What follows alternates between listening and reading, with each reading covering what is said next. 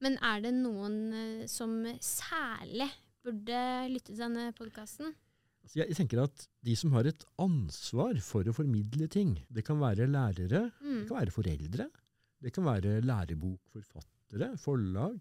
Rett og slett kan være eh, muligens den viktigste målgruppen. Mm. Men, men samtidig er det jo sånn at dette med påstander eh, og store overskrifter, kanskje litt sånn tabloide ting rundt historie, er, er det vi kanskje møter mest av hvis jeg er på sånne kiosker, Narvesen og sånt. Så er det et Mm. sånn bred, mange flere meter iblant.